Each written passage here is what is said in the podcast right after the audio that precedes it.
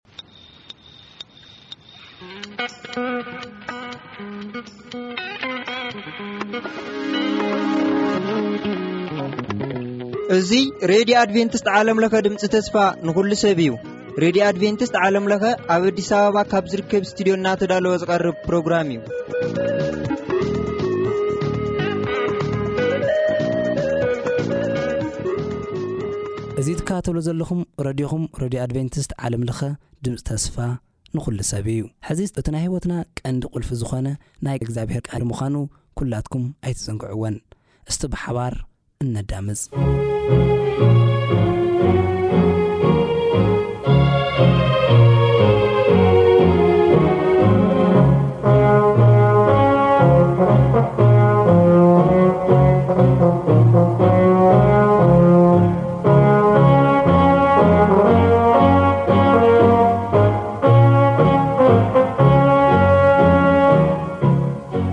ሰላም ከመይ ቀኒኹም ክብራት ተኸታተልቲ መደባትና እዚ መደብ እዚ መደብ ዛንታ ነብያት እነቕርቦ መደብ እዩ ሎማዓንቲ ሓቢርና ንሪኦ ብዛዕባ ናይ ሓደ ብዘመኑ ዝሰርሖ ስራሕት ትንቢቲ እዩ ኢል ዝበሃል መፅሓፍ እዩ ቅድሚ ናብቲ መደብ ምእታውና ከዓኒ ሓቢርና ከንፅሊ ኢና ንፀሊ ነመስግነካ ሕያዋይን ቅዱስን ቅኑዕ እግዚኣብሔር ኣምላኽ እስካብ ሕጂ ብምሕረት ዓይኒ ስለትርእና ስለትርሕርሐልና ስለተኣለየና ካብ ክፉእ ዘበለ ኩሉ ከዓኒ ዋላ ናብቲ ረሳሐ ነገር ኩሉ ግዜ ዋላ እንተድሀብና ነገር ግን ኩል ግዜ በቲ ቅኑዕ ዝኾነ መንፈስካ ካብቲ ዘለናዮ ረሳሓት ክንወጽእ ክንርሕቕ ስለ ትገብረና ነመስግነካ። እምበኣርከስ ሕጂ እዚ ቃል እዚ ከፊትና ብነንብብ ናይ ህይወት መምህር ኣብዚ ጉባኤ እዚ ንኽትዓስል ምሕጸነካ፣ ንሓለለፍ ትምህርትና ህይወት ምስ ትርፉ ክኸውን ንሓተካ፣ ኣይትፈለየና ስለ ሽም የሱስ ኣሜን። እምበኣርከስ ኣብ ምእታዊ ዝነገርኩኹም ኣብ ኢዩኤል መጽሓፍ ዝርከብ ዝተገበሩ ነገራት ነይሮም። ለምሳሌ እግዚኣብሔር ክቑጣዕ እንከሎ መልእኽቲ የመሓላልፍ ነይሩና ሓደ እዩኤል ንህዝቡ ናይ ባዕሉ ህዝቢ ዝተላእኸ ሰብ እዩ እንታይ ይብሎ እዚ ምዕራፍ ሓደ ፍቕዲ ሓደ ክንጅምር እንከለና ንእዩኤል ወዲ ጳጡኤል ዝመጾ ቃል እግዚኣብሔር እዚ እዩ ኣረገውቲ እዚ ስምዑ ኣቱም ኣብ ሃገር ትነብሩ ኩላኻትኩም እውን ኣእዛንኩም ጽን ይበል ብዘመንኩምስ ወይስ ብዘመን ኣቦታትኩም ከም ዝበለዶ ኮይኑ እዩ ኣእዛንኩም ጽን ይበል ብዘመንኩም ወይስ ብዘመን ኣቦታትኩም ከምዚ ዝበለ ዶ ኮይኑ እዩ እዚ ንደቅኹም ኣዘንትውሎም ደቅኹም ከኣ ንደቆም ደቆም ነት ዳሕረዋይ ወለዶ የዘንትውሎም ካብ ኩብኩባታት ዝተረፈ ኣንበጣ በልዖ ካብ ኣንበጣ ዝተረፈ ከኣ ጎደበ በልዖ ካብ ጎደበ ዝተረፈ ድማ ሓሰኻ በልዖ ኣቱም ሰኸርቲ ንቕሑ ብኸዩ ኣቱም ሰተይቲ ወይኒ ኩላኻትኩም እቲ ኩልዒ ወይም ካብ ኣፍኩም ተወሲዱ እዩሞ ዋይዋይ በሉ ቁጽሪ ዘይብሉ ሓያል ህዝቢ ናብ ሃገረይ ደየበ፣ ኣስናኑ ኣስናን ኣንበሳ እዩ፣ ከም ናይ ዋዕሮ ዘበለ መንጋጋ ከኣ ኣለዎ። ንተኽለወይኒ ኣባደሞ፣ ንኦም በለስ ፈሓቖ፣ ብጥራስ ቀንጢጡ ደርበዮ፣ ጨናፍሩ'ውን ጻዕደወ። ከምታ ክሊል ተዓጢቓ ንሓሚኣ ትበኽየሉ ድንግል በኸዩ። መስዋእቲ ብልዒ መስዋእቲ መስተን ካብ ቤት እግዚኣብሔር ጠፈኣ። እቶም ካህናት ኣገልገልቲ እግዚኣብሔር ይሓዝኑ ኣለዉ። እኽሊ በሪሱ ኩልዒ ወይኒ ነቒጹ ዘይቲውን ቀምሲሉ እዩ እሞ እታ ሃገር ባዲማ ምድሪውን ትሓዝን ኣላ። እቶት ገራሁ ጠፊኡ እዩ እሞ ኣቱም ሓረስቶት ብምኽንያት ስርናይ ስገም ሕነኹም ኣቱም ሰብ ኣታኽልቲ እቶት ገራሁ ጠፊኡ እዩሞ ዋይዋይ በሉ። ተኽሊ ወይኒ ነቐጸ፣ ኦም በለስ ከኣ ቀምሰለ። ኦም ሮማንን ስየን ቱፋሕን ኩሉ ኣእዋም መሮር ነቐጸ። እወ፣ ሓጎስ ካብ ደቂ ሰብ ነቐጸ። መስዋእቲ ብልዕን መስዋእቲ መስተን ካብ ቤት ኣምላኽኩም ተኸልኪሉ እዩሞ፣ ኣቱም ካህናት ተዓጠቑን ብኸዩን፣ ኣቱም ኣገልገልትን መሰውኢ ዋይዋይ በሉ። ኣቱም ኣገልገልቲ ኣምላኸይ ንዑ ክሊ ተኸዲንኩም ሕደሩ ጾም ቀድሱ ኣኼባ ጸውዑ ንዓበይቲ ኣብታ ሃገር ዝነብሩ ኩላቶም ናብ ቤት እግዚኣብሔር ኣምላኽኩም ኣክቡ ናብ እግዚኣብሔር ከኣ ተማህለሉ መዓልቲ እግዚኣብሔር ቀሪባ ኣላ ካብቲ ኩሉ ዝኽእል እውን ከም መጥፍኢ ኮይና ክትመጽእ እያ እሞ ኣየ እዛ መዓልቲ እዚኣ ግምቢ ካብ ቅድሚ ዓይንና ሓጎስን ደስታን ከኣ ካብ ቤት ኣምላኽና ዶ ተወሲዱ ኣይኮነ እቲ ዘርኢ ኣብ ትሕቲ ድንኩል መሽመሸ እኽሊ ህጉግ እዩ እሞ ቁፋፍ ባዶ ኮነ፣ ማዕኸን እውን ፈረሰ። ኣየ እንስሳት ዓዕ ይብሉ፣ እተን መጓሰ ኣሓ ዝጓስያሉ ስለ ዝሰኣና፣ ቃህመም መጓሰ ኣባጊዕ ድማ ይሳቐያ ኣለዋ። ነቲ ኣብ በረኻ ዘሎ መጓሰይ ሓዊ በሊዕዎ፣ ንኹሉ ኣእዋም መሮር ከኣ ሃልሃልታ ሞኽ ኣቢልዎ እዩሞ፣ ዎእግዚኣብሔር ኣባኻ እውይ ኣለኹ። ወሓዚ ማያት ነጺፉ ነቲ መጓሰ በረኻ ድማ ሓዊ በሊዕዎ እዩሞ እንስሳ መሮር ናባኻ ይእውዩ ኣለዉ። መዓልቲ እግዚኣብሄር ትመጽእ ኣላ ቀሪባ ኸኣ እያ እሞ ኣብ ጽዮን መለኸት ንፍሑ፣ ኣብ ቅዱስ ከረነይ ድማ ኣእውዩ፣ ኣብታ ሃገር ዝነብሩ ዘለዉ ዅላቶም ይንቀጥቅጡ፣ መዓልቲ ጸልማት ጣቓን መዓልቲ ደበናን ድቕድቕ ጸልማትን ከም ወጋሕታ ኣብ ልዕሊ ኣኽራን ይዝርግሓ። ዓብይን ሓያልን ህዝቢ ካብ ጥንቲ ጀሚሩ ከምኡ ዝበለ ዘይነበረ ድሕሪኡ ክስከ ዓመታት ዝወለዶ ዝሓልፍ ከቶ ዘይከውን ኣብ ቅድሚኡ ሓዊ ይበልዕ ኣብ ድሕሪኡ ሃልሃልታ ሞኽ የብል እታ ሃገር ኣብ ቅድሚኡ ከም ገነት ኣብ ድሕሪኡ ከኣ ጸምጻም በረኻ እያ ካብኡ ዘምልጥ የልቦን ትርኢቶም ከም ትርኢት ኣፍራስ እዩ እሞ ከም ፈረሳኛታት ይጎዩ ከምቲ ኣብ ርእሲ ኣኽራን ድዋዕዋዕ ዝብል ሰረገላታት ከምቲ ሓሰር ክውሕጥ ከሎ ጥዋዕዋዕ ዘበል ሃልሃልታ ሓዊ ከምቲ ንውግእ ዝተሰለፈ ሓያል ህዝቢ ይዘሉ፣ ኣብ ቅድሚኦም ህዝብታት ይጭነቑ፣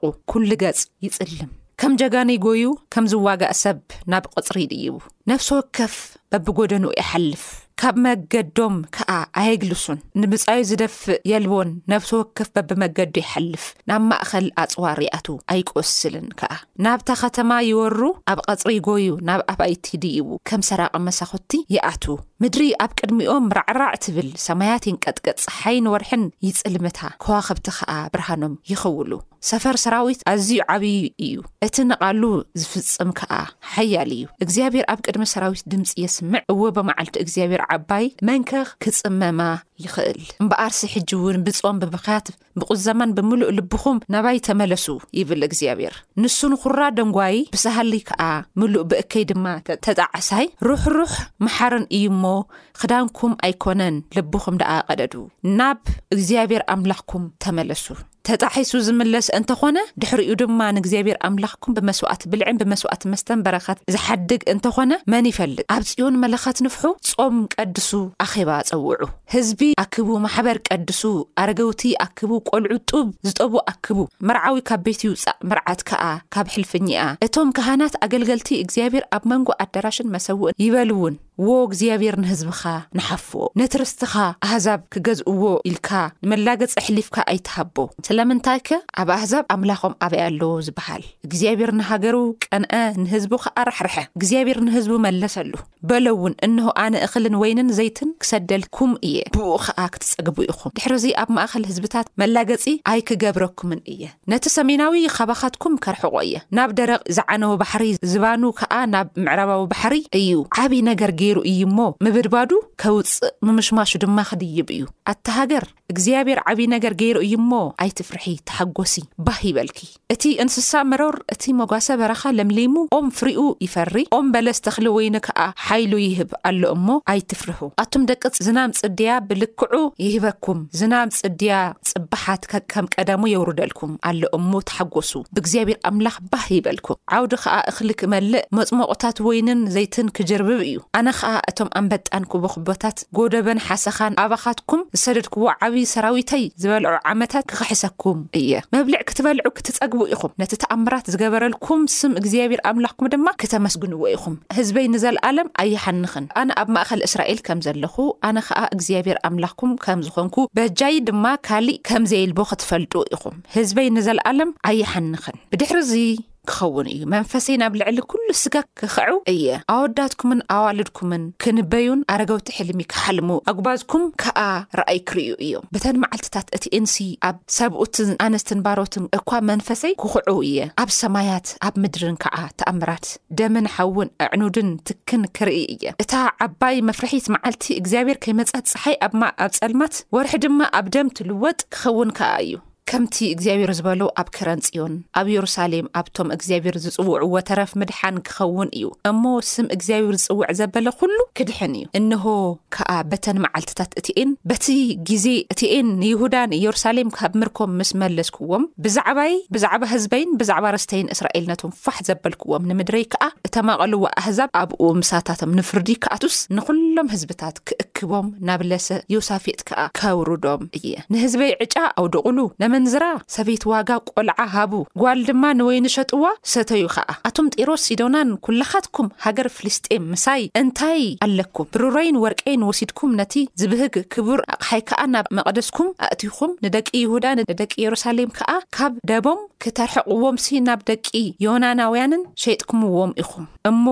ፍዳዶ ክትፈድዩኒ ኢኹም? ምንም እኳ ፍዳ እንተ ፈደኹምኒ፣ ኣነ ቀልጢፈ ብድንገት ፍዳኹም ናብ ርእስኹም ክመልሰልኩም እየ። እንሆ፣ ኣነ ኻብቲ ዝሸጥክምዎ ስፍራ ከበግሶም እየ። ፍዳኹም ናብ ርእስኹም ክመልሶ እየ። ነወዳትኩምን ነዋልድኩምን ናብ ኢድ ደቂ ይሁዳ ክሸጦም እየ፣ ንሳቶም እውን ናብቶም ኣብ ርሑቕ ዘለዉ ህዝቢ ናብ ሰብ ሳባ ክሸጥዎም እዮም። እዚ እግዚኣብሄር ተዛሪቡ እዩ። እዚ ኣብ ማእከል ህዝብታት ኣውጁ፣ ውግእ ኣዳልዉ፣ ነቶም ጀጋኑ ኣንቅሕዎም፣ ኵሎም ተዋጋእቲ ይቕረቡ፣ ይውጽኡ ማሕረሻ ሰይፈይን ማዕጺድኩምን ክኣ ኩናት ስርሕዎ እቲ ድኹም ድማ ኣነ ጀግና እየ ይበል ኣቶም ኣብ ከባቢ ዘለኹም ኩለኹም ህዝብታት ቀልጥፉ ንዑ ተኣከቡ ዎዎ እግዚኣብሔር ኣብኡ ጀጋኑኹም ጀጋኑኻ ኣውርዶም ኣነ ነቶም ኣብ ዙርያ ዘለዉ ኩሎም ህዝብታት ክፈርድሲ ኣብኡ ክቕመጥ እየ እሞ እቶም ህዝብታት ይበገሱ ናብ ለሰ ዮሳፊጥ ይውጽኡ እከዮም ስለ ዝዓበየ ቀውዒ በጺሑ እዩ እሞ ማዕጺድ ስደዱ መጽሞቕ መሊኡ ኣጋንእ ክኣ ይጅርብብ ኣሎ እሞ ንዑ ርጉጽ መዓልቲ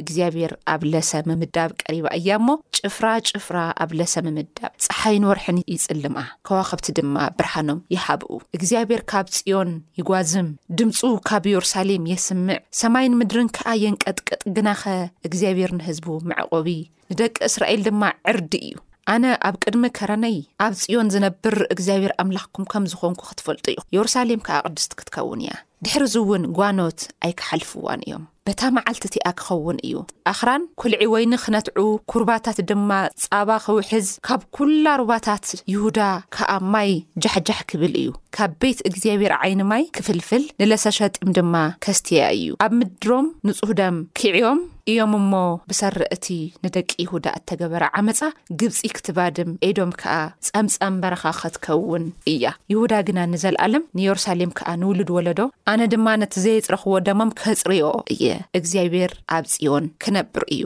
እምበኣርከስ ክቡራት ሰማዕትና ብዘመንና ዝግበር ቀደም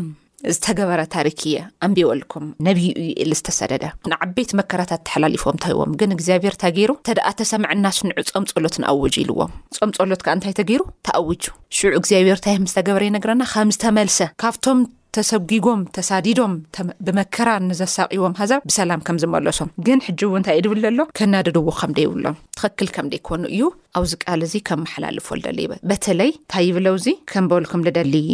ቦታ እንተድህሉ እግዚኣብሔር ንህዝቡ ይቀንእ ብምንታይ ኣብ ክፉእ ክህልው ከሎ ደስቱ ኣይኮነ ሓጎስ ኣይኮነ እና ኣንሕና ብበገዲ ዓመፃ ብንኸይድ እንረግፆን እንረኽቦ ህይወት ክፍኣትን ሞትን ብቻ ስላልኾነ እንታይ ክነስተኣናግደ የብልናን መከራን ውርደትን ክነስተኣናግደ የብልናይ ስለዚ እዞም ኣብ ምድሪ ንዘለው ብምልኦም ፍረ ናይ ሓጢኣት ውፅኢት እዮም እቲ ናይ ፍረ ናይ ሓጢኣት ውፅኢት ግን ክንቕይሮ ንኽእል ዶ የስ ከመይ ናብ እግዚኣብሔር ብምምላስ ክዳና ይኹና ንቐድድ ሕዋት ወይ ለይከውን ለይከውን ይኹና ንገበር እግዚኣብሔር ልብና ይፈልጦ እዩ ስለዚ ብቕንዕና ናብ እግዚኣብሔር ንቕረብ እግዚኣብሔር ከዓኒ ዝሰምዖ ጸሎት ኮይኑ ክቕበሎ እዩ ጥዑም ሽታ ክኾኖ እዩ ንእግዚኣብሔርና በዚ ንወድዝን ኣኽቢርና ክንሓልፍ እግዚኣብሔር ኣምላኽ ጸጉ የብዝሐልና ኣብ ዝቕፅል እስካ ንራኸብ ጸጋ ኣምላኽ ምስ ኩላትና ይኹን እዚ መጽሓፍ እዚ ዘቕረብኩልኩም ናይ ነቢ ዩኤል እዩ ብትግሃት ዘገልገለ ዝነበረ ኣገልጋለ እዩ ስለዚ ናቱን ዘቕረቦ ትምህርቲ ብዘመና ከዓ ናኹም ዓይነት ተግባራት ስለነተግብር ካብቲ ሕጂ ኣቴና ይደለና ዓበይቲ ዓዘቕትታት ካብቶም ብዙሓት ጥያቄታትና መልሲ ልስኣንሎም መንግስታት እግዚኣብሔር ግን መልሲ ስለ ደለዎ መልሲ ክምልሰልና ልኽእል ከዓ ንሱ ጥራሕ ስለዝኾነ ቅድሚ ሕጂ ወይነታትና ከመይ ንፀምቆም ነርና ተዘርእ ዘርኢ ከመይ ኢና ንእትው ነርና ሕጂ ግን ከምኡ ኣይኮነይ ካብ ምንታይ ልተላዕለ እዩ እግዚኣብሔር ካብ ምርሓቕ ዝተላዓለ እዩ እግዚኣብሔር ዘይባረኾ ነገር ከኣ ንትርፊ የብሉይ ስለዚ ካብ ከምዚ ኮይና ንነብር ከርተት ናበልና ካብ ንነብር ካብ መፈንጥራ እግዚኣብሔር እሱ ዘይድህስሶ ቦታ ካብ ንርከብ ንሱ ዝደልዮ እንዳገበርና ምንባር ክንኽእል እዩ ዝዓብይ ፃውዒት ዝግበረልና ኣሎ እግዚኣብሔር ቀና ኣምላኽ እዩ ካእ ወጻኢ ናብ ካሊእ ክትኾድ የደልይ ብምስኡ ብንነብር ብምሕረት ኢና ንመላለስ ግን እግዚኣብሔርሲ ዓብይ ምሕረት ዓብይ ምሕረት ገይሮልና እዩ ከምቲ ንሕና ልገበርናዮ ክፍኣት እንዶ መይኾንና የተመሓላሊፍና ተሃዩና ስለዚ ነቲ ዓብይ ምሕረት ልገበረልና ኣምላኽ ከኣኒ ብሃይልና እንዳተሓጎስና ኢና ከነገልግሎ ልግበእና በኣርከስ ንዝመጹ ዘመናትና ኩሎም ከምዚ ገርና መጀመርያ ክጅምረልኩም ከለኹ ሰሚዕኹም ንትኾይንኩም ብትውልድኹምሲ ከምዚ ዓይነት ነገር ተገይሩ ዶ ይፈልጥ ንገርዎም እስከ ንድሕሪት ተመሊስኩምስ ከምዚ ዓይነት ኽፍኣት ዶ ተገይሩ ይፈልጥ ግን ታይ ኢና ክንገብር ደለና ንደቅና ጽቡቕ ነገር ነመሓላልፍ። ጽቡቕ ነገር ለይነመሓላልፍ ትኾይንና ጽቡቕ ዘርኢ ክንረክብ ኣይንኽእል እዩ ጣፍ ዘሪእኻ ስንዳይ ክትረክብ ኣይትኽእልን ጽቡቕ ዘሪእኻ ሕማቕ ኣይትረክብን ሕማቕ ዘሪእኻ ለለ ጽቡቕ ኣይትረክብን ጽቡቕ ተዘሪእኻ ጥራሕኻ ጽቡቕ ትረክ በኣርከስ ንዝመጽእ ትውልድታት ዝተወለዱ ደቅኹም ዘለው ቤተሰብኩም ብምሉኦም ብዘይካ ናይ ምድሓን ብዘይካ ንእግዚኣብሔር ካሊእ ነገር ክፋለጡ ኣይትገብርዎም ብምሉእ ነገርኩም እንታይ እዩ ዝብል ሰላም ክገብሮ እየ ኣብ ምድሪ ብትነብርሉ ሰዓት ከማን ይብል ኣብታ ሰላም ደይብላ ምድሪ ከመይ እቲ ሰላም ብደንቢ ስለ ርደአና ማለት እዩ ስለዚ ኣነ እንታይ ክብለኩም ይደሊ ሰማዕትና እዚ ኩሉ ዘንበብኩልኩም እዚ ደኣ ኸመይ ኢሉ ዝነገር ዝኾይኑ ጥርሓ ክስካብ ትቐሪ እግዚኣብሔር እንድሕር ተለይ ተመሊስና እቲ መከራና ክጅርብብ ኢና ንገብሮ ደለና ክውስኽ ኢና ንገብሮ ደለና ኣንሕና ግን ሰላምና ከጅርብብ ክመልእ ፍቕርና ክተርፍ ሰብ ሓደ ልቢ ኮይና ንሓደ ኣምላኽ ክነገልግል ኢና እቲ ዝኹላይ ጻውዒት ዝግበር ደሎ ካብ እግዚኣብሔር እንተርሒቕና